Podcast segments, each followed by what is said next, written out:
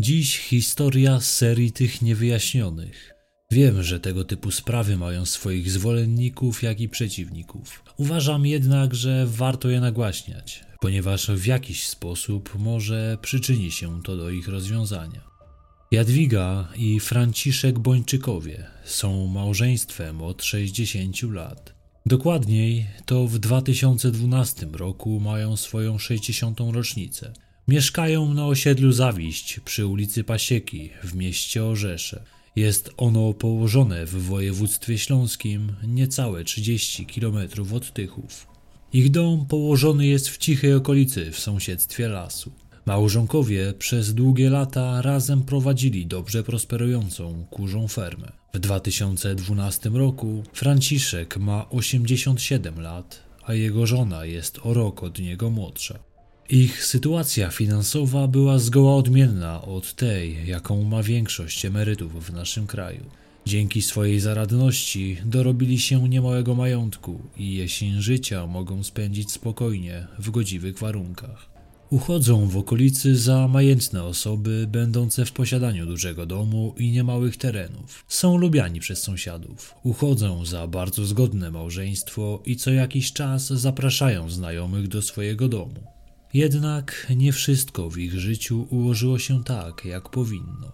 Ich córka zmarła jakiś czas temu, a ich syn pracował za granicą i rzadko pojawiał się na miejscu. Ze względu na swój wiek, zdrowie nie pozwalało im w pełni na samodzielne życie. Ich zięć, mąż zmarłej córki, pomagał im jak tylko mógł, ale sam miał pracę, a także wychowywał dwójkę dzieci. Potrzebowali zatem opiekunki, która wesprze ich w codziennych obowiązkach. Korzystali z pomocy opiekunki z ośrodka pomocy społecznej. Dokładniej, były to dwie kobiety, które się wymieniały dyżurami. Jedną z osób, która im pomagała, była Alicja, która mieszkała 8 km od Orzesza. Kobieta pomagała starszemu małżeństwu w pracach domowych, a także załatwiała najpilniejsze sprawy. Wtorek, 24 kwietnia 2012 roku, o godzinie 9 rano do drzwi państwa Bończyków pukali stonosz. Przyniósł emeryturę pani Jadwigi jak co miesiąc. Chwilę później obecny akurat w Polsce syn przyjechał po Franciszka. Miał się tego dnia on udać do lekarza na badania, a syn pomógł mu w tym. Jadwiga musiała w tym czasie zrobić zakupy. Jednak nie czuła się tego dnia najlepiej, zatem zadzwoniła do zięcia Henryka z prośbą o to, czy może ją zawiezie. Mężczyzna się zgodził. Przyjechał po nią i pomógł jej zrobić zakupy. Niecałą godzinę później syn przywiózł Franciszka z powrotem do domu. Jadwiga również w tym czasie zdążyła wrócić ze sklepu. Po drodze wjechała jeszcze na cmentarz, by zapalić znicz na grobie córki. Około godziny 11.30 do domu emerytów przybywa opiekunka, Alicja. Zazwyczaj pojawia się wcześniej, ale dziś umówili się na tę godzinę. Wchodzi przez drzwi. Było otwarte, jak zwykle na jej przyjście. W przedpokoju zastaje leżącą w kałuży krwi kobietę, której pracuje. Przechodzi do pokoju, gdzie zastaje leżącego na kanapie zakrwawionego Franciszka. Przeciwieństwie do swojej żony, on daje jeszcze znaki życia, choć nie jest w stanie wypowiedzieć nawet słowa. Kobieta dzwoni z telefonu w przedpokoju do swojej przełożonej. Zostało zawiadomione również pogotowie, a także policja. Karetka przyjeżdża niezwłocznie, jednak nie są oni w stanie pomóc Jadwidze, która już nie żyła. Mężczyzna, mimo poważnych obrażeń głowy, jeszcze żył. Przyleciał śmigłowiec, by czym prędzej przetransportować rannego mężczyznę. Został zabrany do szpitala, by tam lekarze mogli walczyć o jego życie. Niestety, po drodze zmarł. Na miejscu pojawiła się także szefowa Alicji, a także mężczyzna, który niedawno kupił od państwa Bończyków kurnik i przystosował go do swojej pracy w działalności gospodarczej, którą prowadzi. Przyjechał do pracy i nie spodziewał się, że zastanie tam tak makabryczną sytuację. Nie ulegało wątpliwości to, że Jadwiga i Franciszek padli ofiarami zabójstwa. Należało rozpocząć śledztwo dotyczące zajść, jakie miały miejsce przy ulicy Pasieki. W skład grupy dochodzeniowej zajmującej się tą sprawą wchodzili funkcjonariusze, którzy pracowali przy sprawie Madzi z Sosnowca. To sprawa, o której opowiadałem w jednym z pierwszych odcinków. Za najbardziej prawdopodobną wersję przyjęto, że motywem dokonania zbrodni było tło rabunkowe. Co ciekawe, osiedle Zawiść do tej pory uznawane było za jedno z najbezpieczniejszych w mieście. Jak mówią sami mieszkańcy, do tej pory nikomu nie zniknęła nawet łopata. Ludzie często nawet nie zamykali domów na noc, ponieważ czuli się bezpiecznie. Z relacji świadków należy wywnioskować, że pomiędzy godziną 10 a 11.30 do mieszkania emerytów wszedł napastnik bądź napastnicy, którzy dokonali zabójstwa.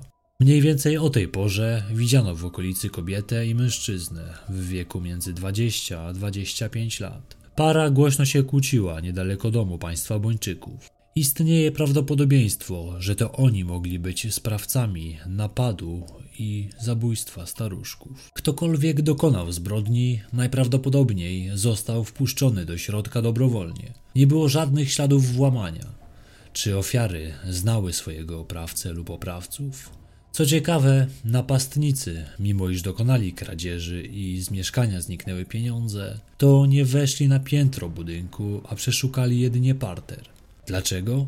Otóż na parterze był monitoring. Czy sprawcy o tym wiedzieli i dlatego postanowili nie wchodzić na górę? Jeżeli tak, to należy przyjąć, że sprawcą jest ktoś, kto wiedział o kamerach, a zatem był to ktoś z otoczenia Jadwigi i Franciszka. Prócz pieniędzy, to znaczy 900 zł z emerytury, a także niewiadomej ilości pieniędzy, które małżeństwo ukrywało w domu, została skradziona także drogocenna biżuteria. Należy zwrócić uwagę na fakt, że niedługo wcześniej listonosz przyniósł emeryturę. Czy to mógł być przypadek? A może sprawcy doskonale wiedzieli, że tego dnia przyjdzie emerytura, zatem łup będzie pokaźniejszy. Kwestia, która budzi podejrzenia, to fakt, że nie wszystkie pieniądze znajdujące się w mieszkaniu zostały skradzione.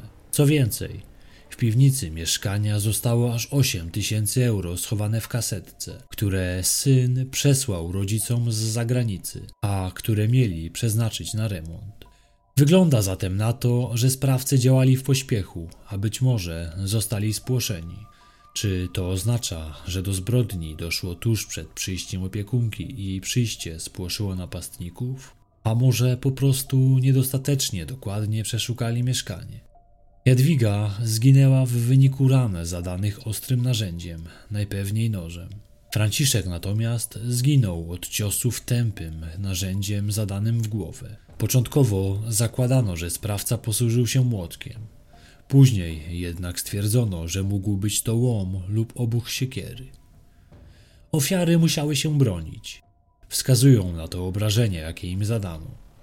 Starsi ludzie jednak nie mieli szans w starciu z uzbrojonym i prawdopodobnie znacznie silniejszym napastnikiem. Czy złodzieje musieli zabijać? Przecież mogli unieruchomić gospodarzy i spokojnie ich okraść. Nie spodziewam się, by prawie 90-letni ludzie mogli stanowić zagrożenie dla złodziei. Fakt, że zostali zamordowani, może świadczyć o tym, że znali oni swoich oprawców. W takim przypadku, gdyby przeżyli, mogliby z łatwością wskazać ich jako sprawców kradzieży. By uniknąć schwytania, pozbawili życia starsze małżeństwo. Wersja z młodymi ludźmi, którzy mieli napaść na staruszków, jest tylko jedną z kilku. Śledczy przyjmują, że obrażenia zadała jedna osoba i był to najprawdopodobniej mężczyzna, na co wskazuje siła, z jaką uderzał. Przesłuchano dziesiątki świadków głównie sąsiadów, a także pracowników opieki społecznej, którzy pojawiali się w domu przy ulicy Pasieki. Oględziny ciał ofiar nie wskazują, by mogli być oni torturowani przed zabiciem. Najprawdopodobniej sprawca bądź sprawcy zaatakowali szybko, chcąc pozbawić życia gospodarzy. Zatem najprawdopodobniej nie próbowali wymusić na nich wyznania, gdzie trzymają pieniądze.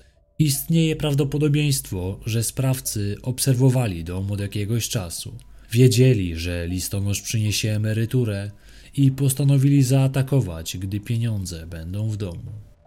Tylko skoro znali oni rozkład dnia państwa Bończyków, to czemu nie wzięli pod uwagę, że w mieszkaniu powinna być w tym czasie również opiekunka?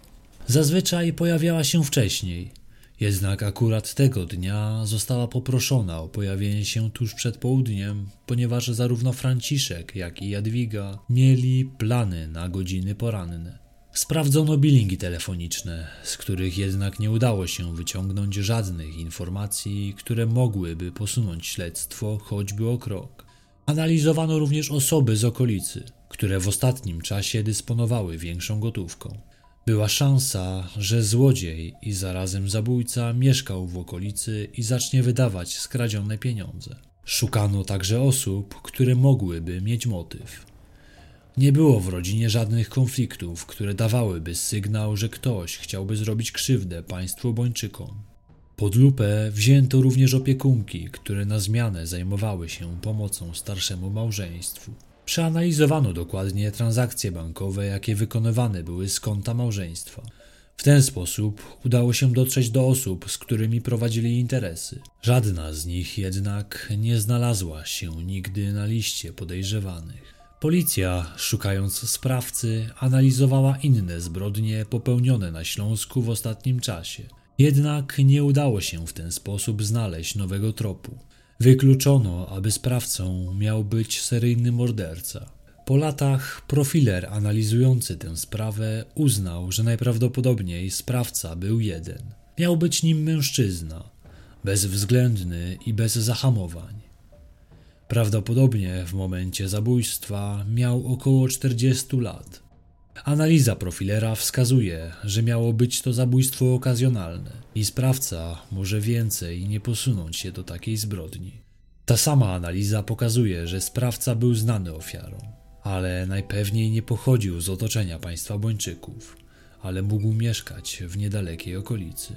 Śledztwo było prowadzone przez prokuraturę z Mikołowa, jednak nie udało się znaleźć żadnych tropów prowadzących do sprawców. Z tego też względu w 2013 roku sprawa zostaje umorzona. Mimo wszystko prokuratura twierdzi, że o sprawie nikt nie zapomniał. I nadal pracują nad nią policjanci kryminalni z Komendy Wojewódzkiej Policji w Katowicach. Dziś od zbrodni minęło już prawie 10 lat. Niedawno zmarł zięć państwa Bończyków. Ich dom, syn mieszkający za granicą, wynajął lokatorom. Stracił swój urok sprzed dekady. W miejscu, gdzie przez lata mieli kurnik, w którym prowadzili fermę, dziś jest warsztat samochodowy. Niestety, to już wszystko na temat tej sprawy. Jak dotąd nie udało się znaleźć sprawcy bądź sprawców tego czynu. Mam nadzieję jednak, że kiedyś dowiemy się, kto stoi za zabójstwem państwa Bończyków. Z mojej strony to już wszystko. Dziękuję za dziś i zapraszam na kolejne odcinki wkrótce.